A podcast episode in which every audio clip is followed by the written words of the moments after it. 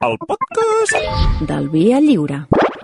Au village sans prétention, j'ai mauvaise réputation. Què, esteu reflexionant Je me o no, démène Santi Jiménez? Bon partout. dia. Estem reflexionant molt perquè has matat no sé Ah, quant. espera, espera, calla un moment. Hem de, hem de posar una cosa, perquè sou uns senyors que aneu... Eh, sou de, la, de les grans lligues, aneu patrocinats. A Ah, veure... Festival Cruïlla patrocina aquesta secció. Veus? Entrades. Veus? Ara que parlàvem dels grans festivals, doncs això. entrades. No demaneu entrades. Eh, Ah. què tal, Es Malcolm? patrocinen?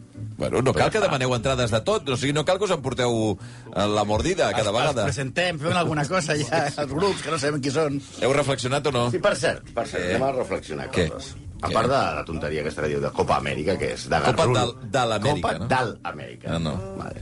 Eh, No et sento bé, aquest micròfon, eh? Pot ser? Eh, no sé què hem tocat, però no acabo de... què? Jo em sento bé. Ara, ara, ara et sento bé. Sí, sí. A veure, eh, què feu la setmana que ve? Reflexiona. A veure, ja ho ha explicat el Pariser, eh? Mm. Dissabte que ve és la final de la Champions, femenina, a Eindhoven, mm. i el Via Lliure s'emetrà eh, des d'Eindhoven. I com anem? No m'ha arribat res, no m'ha trucat la Cristina ni ningú. A Tu t'ha trucat algú, Malcom? No, Bueno, perquè... Quin, quan hem d'estar a perquè- l'aeroport i a quin hotel anem i tot això. Bueno, perquè no, vosaltres no aneu a Eindhoven. Creu que no? però home, home, home, home. No, home, perquè... Però, però, vosaltres mirareu el quedeu partit a- allà? Eh? Mirareu el partit allà o tornareu abans? Tornarem a... Ah, si torneu abans, Ah. No, no, podeu però escolta, anem a Eindhoven. Però tu ara vols anar a Eindhoven? Home, És que podem no fer està- un- Nosaltres un quedem a Banexe- veure el partit, Ara eh? no sé si està... Tu saps el que seria? Ara... Fer un Banexe Kravelen allà a Eindhoven? en Van directe? execrable? Ah, No, no, estarem en un hotel, que si la gent vol acostar-s'hi una estoneta... Eh, menys nosaltres. Bueno, si la gent, la gent menys, menys el Si Malcolm i teniu jo, no? un transport fins allà, si voleu... Home, però això va, doncs, però sí, Allà sí. una casa gran, però si no? aneu, si aneu tots, si aneu un, un fotimer de gent... No tants, no En- tants. Posem dos més no, No fan tants, no res. tants. A més a més, la bonica vila d'Eindhoven- d'Eindhoven. La coneixes? Sí. Què? Home, Divertidíssima. ens portarem bé. Bàsicament és, impor és impossible portar-se malament a Eindhoven. Ah, sí? No hi ha... No, és la merda. No, però escolta, home, per favor. No, no, no. La No hi ha fa- Mm. pecat allà, no hi ha... No, no, és un polígon industrial de la Philips. Hosti. Eh, la famosa frase de Romario quan jugava al PSV, Sí. que va dir que cada día me levantaba, abría la ventana, dice, y todo lo que tenía en la cama era más interesante que lo que había fuera. Déu meu. Bueno, bona Vés a rela saber- vés a relació... saber que hi havia al llit, eh? Sí, eh, relació interessant, PSV-Barça, no? Sempre. Se llamava molt. No, molt intercanvi. Molt... Luc de Jong. Luc de Jong. Després hi ha Romario. Romario, i Ronaldo, però Ronaldo. bàsicament, bàsicament Luc Home, de però Jong. Cocu. Cocu, també. Bàsicament Luc de Jong. Va xitxar-ho, va fotre l'altre dia. Vinga. Bueno, Què, què hem de fer avui? És que porteu dues setmanes amb tema de polítics. sí. Eh, Avui però- candidat a- electoral municipal o no? Avui És reflexió, no, no no podia podem. fer un alcalde avui, Ah, ah, perquè clar, aleshores clar. podria interpretar-se... Influir. És veritat, és veritat, Nosaltres no volem no. influir a ningú, ja ho No, saps. mai. Ja ho saps. Però sí, continuarem en, una mica amb la, amb la política. Però bueno, ja et dic, com és jornada de reflexió, alcaldes fora. Vale. Fora, eh? Però eh, farem, retratarem avui a un dels pares de la democràcia. Un home que és considerat com un referent, però que mai es va presentar a unes eleccions i no va tenir mai una jornada de reflexió No. un dels pares fundadors dels Estats Units, un tipus que té la seva cara esculpida a una muntanya, Ai, ai, ai, ai. a les monedes, Ai, als ai, ai, segells i als bitllets. Ai, ai, ai. I a ai. sobre Ai, Ah! ai, dona nom a la capital dels Estats Units i a un portaavions nuclear. Això no ho té tothom, eh? Sí, tu dius, sí. No, no, no. Eh, un portaavions El tio surt nuclear, als eh? bitllets, a les monedes, als segells, El nom. a la muntanya del Monterrasmo aquest. I, I un portaavions nuclear, que a mi em molaria, eh, un portaavions El portaavions Santi Jiménez, eh? Home, nuclear. El USS Santi Jiménez. Els seus contemporanis el van definir com... No, no preferies nom de ciutat directament, capital d'algun país? No, no, portaavions, portaavions.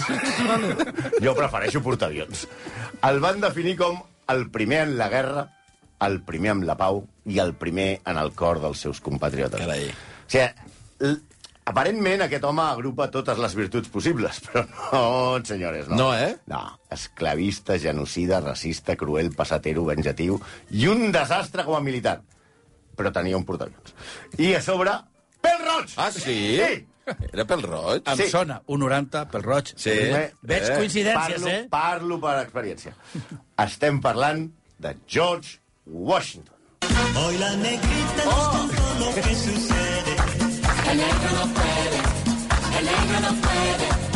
Com ens agraden tots els George des de... Eh, el George. Des de l'autèntic George. Mira, era aquesta cançó o la coplilla famosa de Calahorra, Calahorra, que pareces Washington, tienes casino, tienes obispo, casaputas y pronto. Prou, home! Per favor. Georgi, Georgi, Georgi, Jordi, Jorgito... Va néixer a l'Amèrica, però no al vaixell que A donava... més, això, eh? George és nom de patró català. Sí, és Ah, anglès. No, però era anglès. És que ell va néixer Sí, anglès. sí, però també és un dragonicida. Bueno, eh, va, va, va néixer a l'Amèrica, però no al vaixell aquest que dona nom a la Copa Amèrica, sinó a l'Amèrica Britànica, és a dir, era anglès. Bé. La seva família procedia de Salgrave, un petit poblet del districte de South North Hampshire, eh, North Hamptonshire. Però, per, perdó, un moment. South North. South per què es diu North. South North? És, una... South és per North- perdre la gent. North Hampton. És allò. És que és increïble. És, és, és allò. Si un poble que es diu South North Sí, South- Hamptonshire. Sí. sí. Però això suposa què que és? és? el sud, Villarriba i Villabajo. El sud de Northamptonshire. Saps? Se pot dir... Al nord del no, al sud... sud, al sud del, Al sud del poble que es diu que de està al nord, que Northam- es diu Northamptonshire. Sonshire. Bueno. Bueno, un oxímoron. A vergonya, això. Una localitat que actualment té la friolera de 410 habitants. Hosti. Gairebé els mateixos esclaus que va tenir ell explotats a la seva plantació de 8,3 quilòmetres quadrats. És a dir, Però amb aquesta alegria, eh? Amb aquesta Saps? alegria. Amb aquesta alegria, eh? Els esclavitzats allà, però vinga. Vinga, vinga. Ta, ta, ta. Bueno, família potent, si tenien esclaus. Però, però un- una, una dada. Què? El poble Sí. era una decena part de les seves plantacions que va tenir després. Perquè tot, Ah, de tot el poble, un 10% és seu. Sí, el poble, Aquest del- el poble South tenia... North Hampshire. té vuit Ell tenia la part south. South, south North té 8,3 metres quadrats i 410 habitants. O sigui, ell tenia uns 80 quilòmetres quadrats de plantació i més de 400 esclaus. Per favor.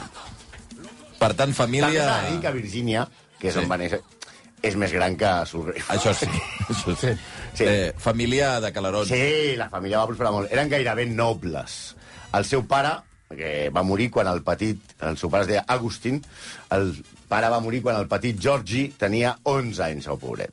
I va ser educat pel seu germà gran. El petit Georgi no va ser tan petit sempre, va créixer molt ràpid. Mm -hmm. I unes característiques que el distingien era que per l'època era molt alt. Media 1,90. Ah, és que allò devia ser... I era pel roig, repeteixo. És el Santi, és el molt, Santi. Molt fort, eh? I, però és Us sembleu fins i tot o no? No, Ens no hem jo mirat. tinc les pinyes, ja veuràs. A tots els retrats, ell surt, ja veureu, sempre amb el cabell blanc. Per tant, durant molt de temps... També es va- tu, eh? Es, sí, però es parlava que portava perruca. Però la veritat és que portava la tofa empolsinada de, de pols de talc. Mm. Ell es va casar amb una vídua més rica que ell, que es deia Martha Dandridge, tot i que ell estava enamorat des de sempre de Sally Fairfox, que després es va forrar amb el cercador d'internet. Però hi ha un problema. Sally estava casat amb un amic seu, i Marta, que a més era mig parenta seva, era segona cosina, Ui, era molt més rica. I a veure, Marta va aportar el, pa el patrimoni, com a dot, una plantació que se sumava a la de Washington de 73 quilòmetres quadrats. Perquè us feu la idea, 73 quilòmetres quadrats no. és el tamany de Múrcia. No! Sí. Clar, que sí, clar, i això era clar. seu, clar, era el seu dot. Sí, clar. Ah, Li va imagina't. regalar Múrcia, però sense murcians. a més a més. Sí, I és que el nostre Jordi, Jordi, eh, Jorgito, a què li interessava? Li interessava la pasta, show me the money. I, i va posar això al capdavant de la guerra i independència, i si ella es va posar davant d'això, va posar líder això, no va ser per aquests motius patriòtics, Mm. va ser per què? Per la pasta. Ell se, se sentia molt anglès, com era, com deia Rajoy, eh? Muy inglés i mucho, Mucho inglés, inglés. mucho inglés. Però en quan li va tocar a la butxaca, es va fer en DP. Mira. Va dir, eh, per aquí sí que no, eh, jo mucho inglés, però my money is my money. I he de tenir en compte que viure a l'Amèrica Britànica era, eh, en aquell moment, com ara, un youtuber a Andorra. Ah, sí, O sigui, eh? La pressió fiscal era 27 cops més baixa que la d'un ciutadà de la metròpoli. Oh, clar. Clar, pagaves Oh. pocs impostos. I quan això va canviar, Georgi i els altres cortijeros... No els hi va van- sentar bé. No, van dir inde, inde, saps? No, Ja, ja. a, els colons eh, de l'Amèrica Britànica, Sí. sí. els pròspers, van començar a córrer a la brama de Londres ens roba. Ah, sí. No, no, no, no. I el 1765, quan es va imposar un impost directe a les colònies, perquè havien de pagar... Clar, és que Anglaterra té, molt- tenia moltes coses, tenia la Índia, tenia, tenia, i diu, ara els colons pagaran més pasta. Eh, I això ja els va començar a molestar. Set anys després, la pressió fiscal es va culminar amb l'impost sobre el te. Mm. Sasha, eh, ho haureu vist, ha molt, hi ha Sí, molt pintures conegut, i tal. sí, sí. Sobre el te, no especificar quin te, perquè abans només hi havia un te. No com ara, que vas a prendre un te i et diuen... Quin te vols? Rojo, negro, cachapta, Roibos, con, con horror, jazmín, matcha. con... Sí, no, el te, en general, en general. Eh? Va provocar que un grup de colons disfressats d'indis... Colons, eh, però senyors rics, disfressats d'indis assaltessin un vaixell al port de Boston llançant al mar un carregament de te. Aquest- Ah. Enfadats estaven. això va ser, diguem, la seva via catalana. Vale?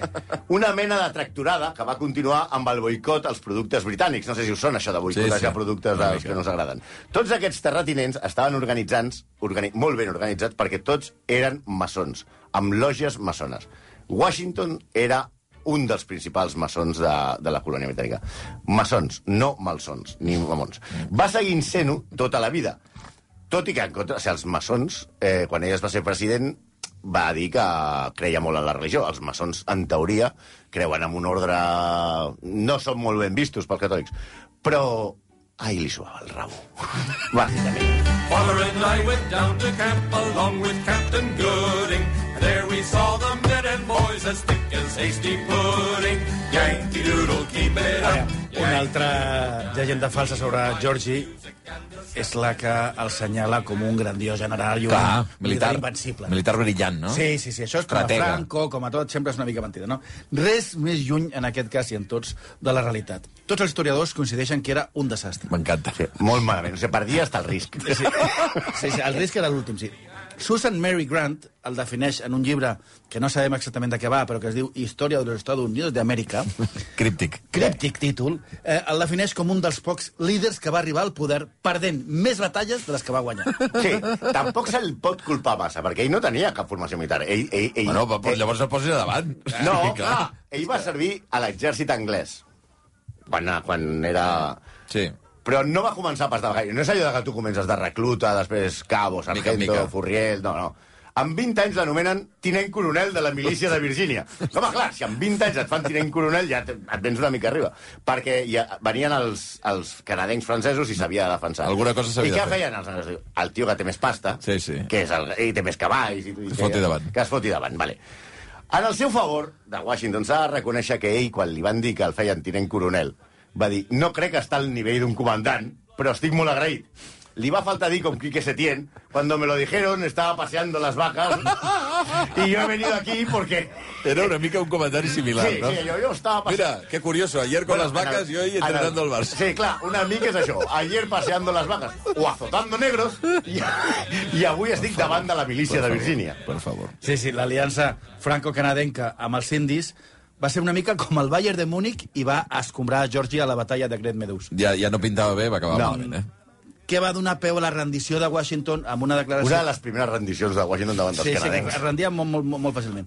Amb una declaració que exigia que Georgi reconegués haver assassinat a Joseph Coulon de Villiers, que era el senyor de Jumonville, que era un líder militar francès, però militar de veritat, eh, quan el va tenir com a presoner.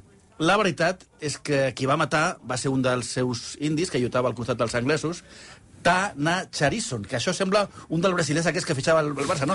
Tana Charison, que...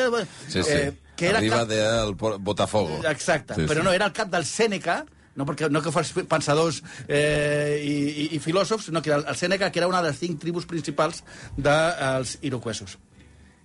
A- Aquest, aquest indi era conegut pel... Tana Carison, o Tana Charison. Són aixirios. Tanajarisun. Són aixirios. Tanajarisun. Bueno, set, estan aixirios. Gosto molt de Tanajarisun. Bueno, era conegut pels europeus, Tanajarisun, com Half King. Half King, Sí, mig, mig, mig rei. mig- rei. Tanejarisun el va desllumar el, aquest, amb un cop de tomahawk. Hosti. Es veu que quan era nen, Jumonville va arrasar el seu poble i a ell el van torturar, segurament per això d'aquí ve lo de Half King, perquè Ui, li, falta, li, li mancava faltava alguna cosa, eh? alguna cosa.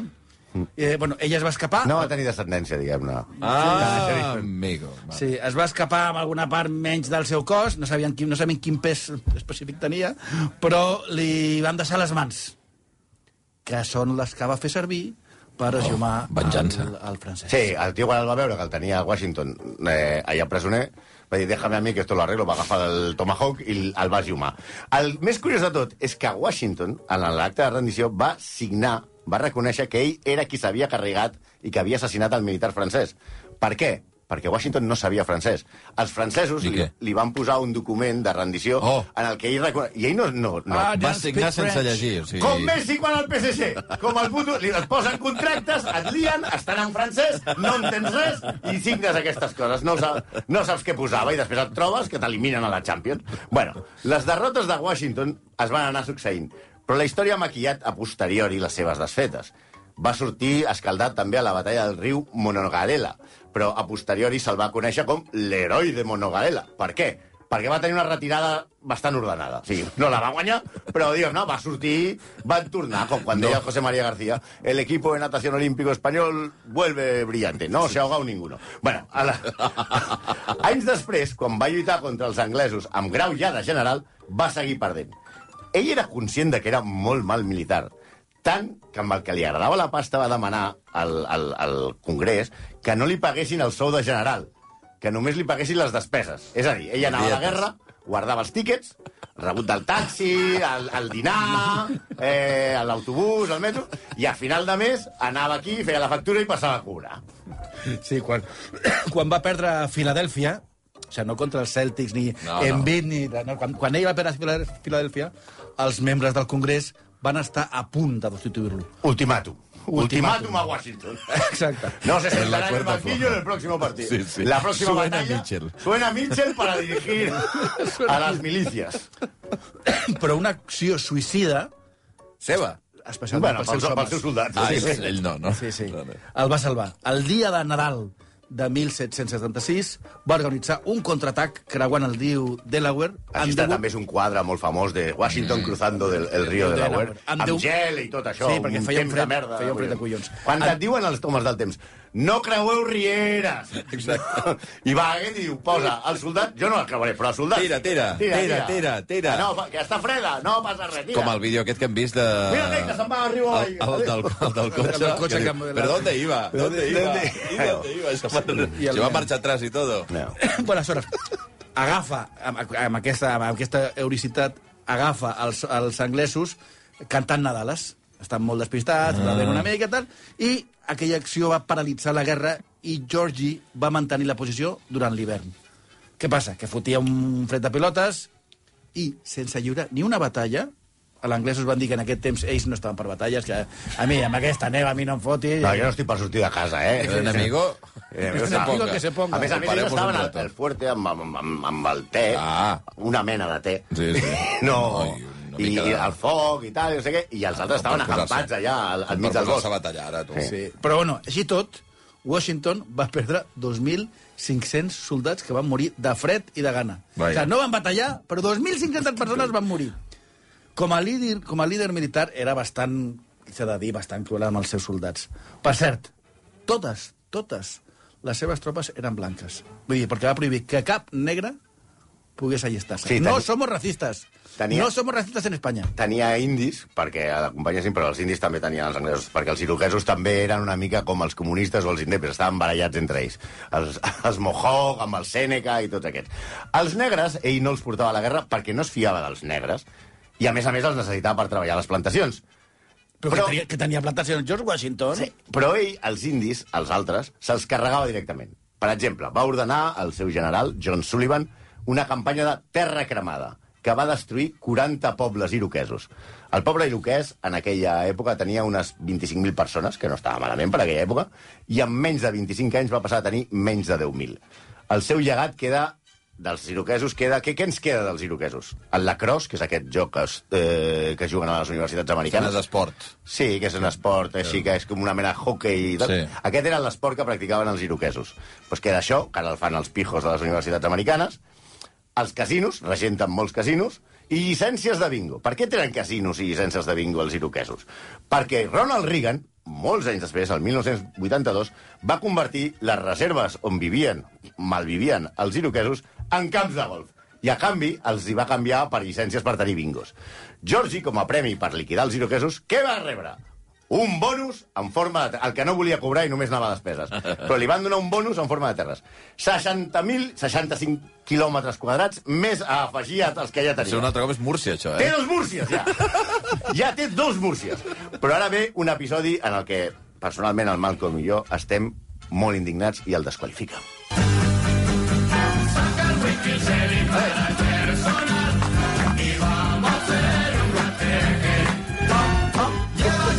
Això es passa quan, quan ja era president. Què? Ell, que havia muntat tot aquest pitote amb per l'impost sobre el té, Sí. va, imposar, va posar un impost especial sobre les begudes alcohòliques. Oh! Impresentable! Sobre les begudes Hi ha alcohòliques. pitjor, coses- hi ha el pitjor. coses amb, a les que ha passat una línia vermella. Sí, sí, ha ja creuat. està bé que Rodalies no arribi a Virgínia i a Mount Vernon. Però Les begudes alcohòliques això ni Ah, no es toca, tocar. home, que és el- estem parlant del 1700 i pico, home, que la gent no tenia Netflix ni res i que s'ho havia de passar d'alguna manera. Tu entraves al saló i deies, ponme un trago. No, que ahora hay que pagar el impuesto. Venga, y no hombre. se puede fumar en la terraza. Però ponme, pon- dame la botella entera. Bueno, Yo quiero un vaso de leche. No, i això sempre porta problemes. La gent es va emprenyar, no? la, la, gent- Hombre. no, òbviament, les protestes van ser generalitzades, però la gent és gent seriosa. Fins al punt de que es van desatar uns disturbis que van passar a la història com la rebel·lió del whisky. En aquest cas, whisky. Santi Jiménez a la primera línia de foc. eh? Rebel·lió del whisky. Durant la eh? vida. En aquest cas, Hi ha whisky. causes nobles per les que lluitar, eh? I morir. Que ja ho va dir Bertolt Brecht, eh? Primer vindran pels jueus, i jo no sóc jueu. Després vindran pels obrers, per les dones, i acabaran venint pels alcohòlics. I no tindrem ningú que ens defensi. Bueno, eh, va passar la història com la rebel·lió del whisky que deia, en aquest cas whisky amb E, perquè és americà, i Washington no va dubtar i la va aixafar enviant 12.000 soldats, Hosti. en la que va ser la primera acció en la que un govern americà enviava soldats a lluitar contra els seus compatriotes. Mm. Això va ser... Això va... L'exèrcit contra els americans. Que després ho ha fet alguna vegada més. Alguna cosa ha passat, sí. Els bons, Això és una cosa bastant normal a Espanya, però allà no havia passat mai. mai encara, els bons, els del... Qui són els bons? Els del del whisky, esclar, no es van de, de, deixar aixafar pa, fàcilment, però finalment, amics meus, van perdre. Oi, oi, oi, oi. Les hòsties van ser tals que el número el número de combatents utilitzats en tots dos bàndols superava a la majoria de batalles de la guerra d'independència. Home. Cerro cita. Home, perquè hi havia... Tanco aquesta cita, pensa, per, perdona, això sobre la història, la història dels Estats Units, eh, pensant, eh, o sigui, no és una rebel·lió a Urquinaona. Estem parlant de que va morir molta gent. Mm -hmm. Això és una rebel·lió. Per una causa justa. Mhm. Ara, perquè se l'has el whisky. jugat, te la jugues per una cosa que importi, home. Sí. Ah, però ja hem dit que ell, la, després va ser, ell, això era president i de la seva carrera militar, que no era massa, ell el que volia era, era un gran propietari, un latifundista. Uh -huh. Mhm. De fet, a la que va poder va pirar-se de la presidència. De fet, la llei aquesta de que només es pot fer dos mandats se la inventa ell per poder, per poder, pirar. tornar- per poder tornar a fer Prou, calés. eh? Ja no vull més. És que a mi això m'agòbia. Per dirigir la finca, on bàsicament eh, alternava, però bàsicament plantava tabac. Allà vivia de manera molt aristocràtica, dedicat sobretot a la cacera de la guineu i dirigia la seva empresa com a CEO, cap de recursos humans, eh, i D i compliance. El personal, òbviament, eren els esclaus. Quan es va morir el seu pare, ja penseu, quan ell era petit, tenia 11 anys, el testament li va correspondre com a herència i li va deixar 10 esclaus per ell. Oh. Un nen d'11 anys ja tenia 10 esclaus. Quan va ser nomenat president ja tenia 135. Sí, la veritat, com eren les jornades d'aquests? Home, sent les claus... Ja, Pues mira, ja treballaven, eh, imaginar. treballaven 18 hores al dia. 18 al dia. 18 hores al dia. A menys que estiguessin ferits o malalts. Bueno, que, que bàsicament estaven bastant sovint. Bastant ferits. així, no? Eren fuetejats eh, en, cans de, en, en cas d'intent de fuga, òbviament, o altres delictes que, diguem-ne, que estaven estipulats. El problema era, era que el propi Washington era el que determinava si un alclau estava malalt o Oh. no. Ah, el metge d'ell. Sí, Ell que- també feia de metge d'empresa, ens ho hem deixat, això. També era el metge d'empresa, era el de la mútua. Ara vindrà a veure't el de la mútua. Però si no puc caminar, que no tens res, home, que no tens res. Vinga, mon home, vinga, vinga. home, aquests negres d'avui. Bueno, era habitual que ell mateix fuetés, eh, fue- fuetegés els esclaus personalment. O sigui, ell deia, bueno, mira, ja et culpejo, jo- ja et culpejo jo perquè, Sí. perquè ho faci un altre, ja ho faig jo, que me, me, sabe más, a- me duele más a, ma- a mi que a ti, no? Que, Sí, sí. No perdrem un sou aquí contactant amb un tio que fuetegi, ja ho faig jo mateix. Bueno, ja saps, la relació entre el treballador i el jefe ha de ser, ha de ser pròxima. Ja. Els historiadors expliquen que era habitual que colpegés a les dones embarassades a les que acusava de mentir sobre el seu estat per no treballar. Tu que has d'estar embarassada, home, tu que saps que has menjat massa. En una ocasió li va dir a un dels seus capatossos pocs, neia, però pocs negres treballarien si no els vigilem constantment. Davant d'aquest ambient de treball, que és això com Apple o Google o això, que hi havia taules de ping-pong... Mm-hmm. Era una tot això. startup. Era una Una startup. startup. Una startup, un coworking. els esclaus van aprofitar que el jefe estava liat amb la guerra per fotre el camp i van fugir a saco. Per, I a més a més, que van fer? allistar-se a l'exèrcit anglès Ara. per tocar-li els collons Home, només faltaria. Ell els va acusar d'ingrats, desagraïts i desallats. Desagraïts, eh? Sí, sí, home, clar. És increïble. Però un cop acabada la guerra, en el tractat de pau amb els anglesos, Washington va exigir que tots els esclaus de la seva plantació que s'havien enrolat a l'exèrcit anglès li fossin tornats. Home, Ah, Aquests són que- meus. Són meus, eh? Que aquests són meus, eh? Home. Que vinguin aquí, que ara els hi faré, un test, ara els hi faré formació continuada. Sí, sí. Si us sembla això que era un miserable, espereu el que ve a continuació. Sí, Washington va ser president al 1789 i aleshores va haver de traslladar-se a Filadèlfia, que era en el en el seu moment era on estava el govern, no? la, la seu del govern. En la mudança es va portar els mobles, quatre cosetes, i els esclaus de més confiança. Però hi havia un problema, hi havia un problema. A l'estat de Pensilvània, és a dir, que Filadèlfia és a Pensilvània, l'esclavitud estava en procés d'abolició. Estava prohibit als no nascuts a l'estat que tinguessin esclaus. O sigui, els esclaus seran sempre nostres. Ja. Mentre que els foranters només podien tenir esclaus durant sis mesos. Era com una mena de contracte. Eren becaris esclaus. Davant d'aquesta norma, Washington va protestar i va al·legar que ell era el president i que l'obligaven a viure allà i que, per tant, la llei no li afectava. Els jutges no li van donar la raó, però ell va trobar la solució. Si alguna cosa li sobrava i tenia, a Washington era a la finca de Virgínia, tenia esclaus. Així que el cos d'esclaus que es va portar anava rotant cada sis mesos. Així complia la llei, però idea... Sis mesos, entren aquí eh, els esclaus, se'n tornen a anar. No, ja s'hi viatgen. Entre tots els esclaus hi havia una dona especial. Es deia Ona Judge i era l'assistent personal de Martha Washington. Li tenien tant de carinyo, i tant, era- l'estimaven tant, era tan com de la casa que van decidir regalar-li- regalar-la regalar a la seva neta, a la neta dels Washington, vull dir. Com a regal de noces. Quan ella, Ona, es va assabentar, va fugir davant de la desesperació de George Washington, perquè la llei deia que si s'escapava un esclau havies de pagar un recàrrec d'impostos. Ah, sí? Sí, sí, sí, sí. sí. Ah. El que es cuidis, que no se t'escapin, eh? Sí, però la més afectada va ser la seva dona, que deia, com s'ha pogut escapar la dona si, si, si, si no la pagaven massa? Sí, amb el carinyo que li tenia. Sí, jo hi tenia molt carinyo. La primera dama va preocupar-se de debò. Primer va pensar que l'havien segrestat i després va declarar a la premsa que sospitava que un seductor francès l'havia confós. Carai. Algun del puto PSG, va dir Sí, també. sí, sí. Fins i tot va posar un anunci als diaris. La primera dama dels Estats Units va posar un anunci als diaris oferint una recompensa de 10 dòlars per qui la trobés. Jo me la imagino passejant per Filadèlfia amb cartells fotocopiats amb la foto, enganxant-lo als fanals de Filadèlfia. S'ha perdut esclava, si la veuen, truquin al presi. Es recompensarà. I ara, això no és tot. Passem a la nostra part favorita de veritat. Blancos, limpios y brillantes, los dientes sanos a que Uy. te den. És que abans has dit alguna de les dents i no he acabat d'entendre. Què passa? Ara, ara, ara veuràs, ara veuràs. Ens recordem que està parlant de George Washington, avui als execrables. Aviam, eh, Jorgito mai va tenir una gran salut. No. Cosa de No família. feia bona cara, eh? Estic veient imatges i no molt... Eh, cosa de família i també de l'època. Eh? T'has de dir, Quan Ja. tenia 19 anys, el seu germanastre, Lawrence, que era fill de la segona dona del seu pare, va agafar tuberculosi i com que la, la, la, la, la família la tocava, va anar a curar-se a Barbados. Mira tu. Coses, mira, Caram. Vamos a Barbados a curar-nos. Calla millor clima. Georgie el va acompanyar. Era el primer cop que sortia del continent, i l'últim. El viatge de salut tampoc va funcionar massa. Lawrence va empitjorar i la va palmar mesos després, i George va agafar la varola, que en aquells temps era una malaltia devastadora. Sí, era molt... De... Sí, agafar la varola... Bueno, segueix amb una malaltia molt greu. El remei per tractar la varola, aleshores, tenia... A veure, quan feien els anuncis per la tele, tenia... Tu agafes el prospecte i deia... Efectes secundaris. Sí. La cura de la varola es feia en aquella època a, a base d'una solució de clorur mercuriós, mm, amb mercuri. I no tenien molt clar les dosis. Ui. Vale. En el prospecte, que de la casa, quan tornaves a la farmàcia, hi havia dues maneres de prendre'l. Una era ingerit i l'altra inhalat. Si el prenies ingerit, els efectes secundaris provocaven sabor metàl·lic a la boca, vòmit, nàusees, mal d'estómac, diarrea, sagnants, cremades intestinals i úlcera a la glotis. Bueno, inhalat provocava pneumonia, vòmit, nàusees, baixa de tensió, arrítmia, problemes respiratoris i estomatitis a la boca. Això sí, es podia portar maquinària pesada i perquè no provocava somnolència. L'únic que no devia fer. Bàsicament perquè et feia tant de mal que no podies fer una altra cosa. dormir. No, a veure, Washington va superar la malaltia, però en el, camí, a la, en el camí la seva cara va quedar desfigurada per les cicatrius Ah. i va perdre, això abans de tenir 25 anys, eh?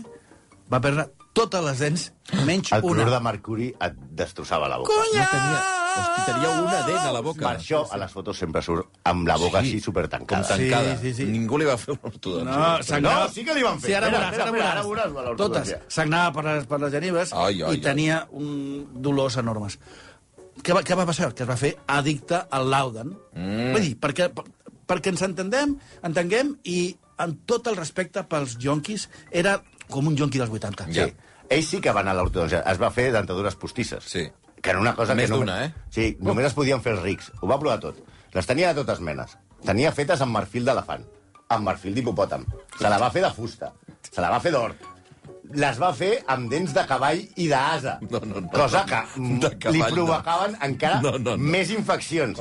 I sempre les feia deixant un espai perquè caigués la dent que tenia, que li Clar, tenia, clar. Li tenia molt Li de fer un carinyo. forat a la- Però finalment va trobar la solució. Res de fusta, marfil, hipopòtam, or... Cavall. Cavall, no. Dents humanes. Ah, clar. Dents d'esclaus. Els tenia allà, els tenia allà a tocar. Clar, la, la universitat... I a més eren negres. I quan les veia somriure deia, coño! Mira-la. Quins somriure més blanc? Feia piano. Clar. Yo quiero tu, yo, yo quiero tu boca, Bill Cosby. No, La Universitat de Virgínia ens ha descobert fa poc que, com a mínim, una de les seves pròtesis va ser feta amb dents d'esclaus. Que bèstia, la veritat, Després ho va confirmar la revista Catherine Gersted, investigadora, va publicar a Life Science que George Washington va pronunciar amb molta probabilitat el seu discurs inaugural com a president amb dents de persones que van ser esclavitzades. Clar, perquè no podies pronunciar un discurs. Sí, sí. Americans. Americans. En, en els llibres de comptabilitat del president hi ha un document de 1774 en el que es consigna el pagament en efectiu a l'atenció de DR. Eh, Doctor. Doctor Lamorne Peer, que són neu, nou dents de negres. Sí, ara s'entén millor que el discurs més important, possiblement, de la història dels Estats Units, el que va pronunciar Washington quan va ser eh, president, Sí. només constés de 133 paraules. O sigui, això Però era feia una Va anar ràpid. cosa que ens diu que Fidel Castro, que feia discursos de 9 hores, tenia les dents molt bé perquè la boca li feia molt de mal i no la volia ensenyar. En tots els retrats, com us hem dit, surt amb la boca molt tancada i apretada com si estigués fent caca. El 12 de desembre de 1799, amb 67 anys i un pinyo a la boca, va sortir a inspeccionar les seves finques a cavall. Clar, Evidentment no aniria amb un Land Rover. Feia fred, nevava i hi havia calamarsada molt mal temps i ningú a casa li va dir «Iaio, on va amb aquest temps?» Els esclaus, que segurament el van veure sortir per allà, i van dir «Tira, cabró, tira, a veure si et mors d'una pulmonia». I sí, a la nit va tornar, es va posar a sopar amb la roba mullada i molt de fred, i el dia següent es va despertar amb refredat, febre, amigdalitis i una infecció a la gola que va derivar en laringitis i pneumonia.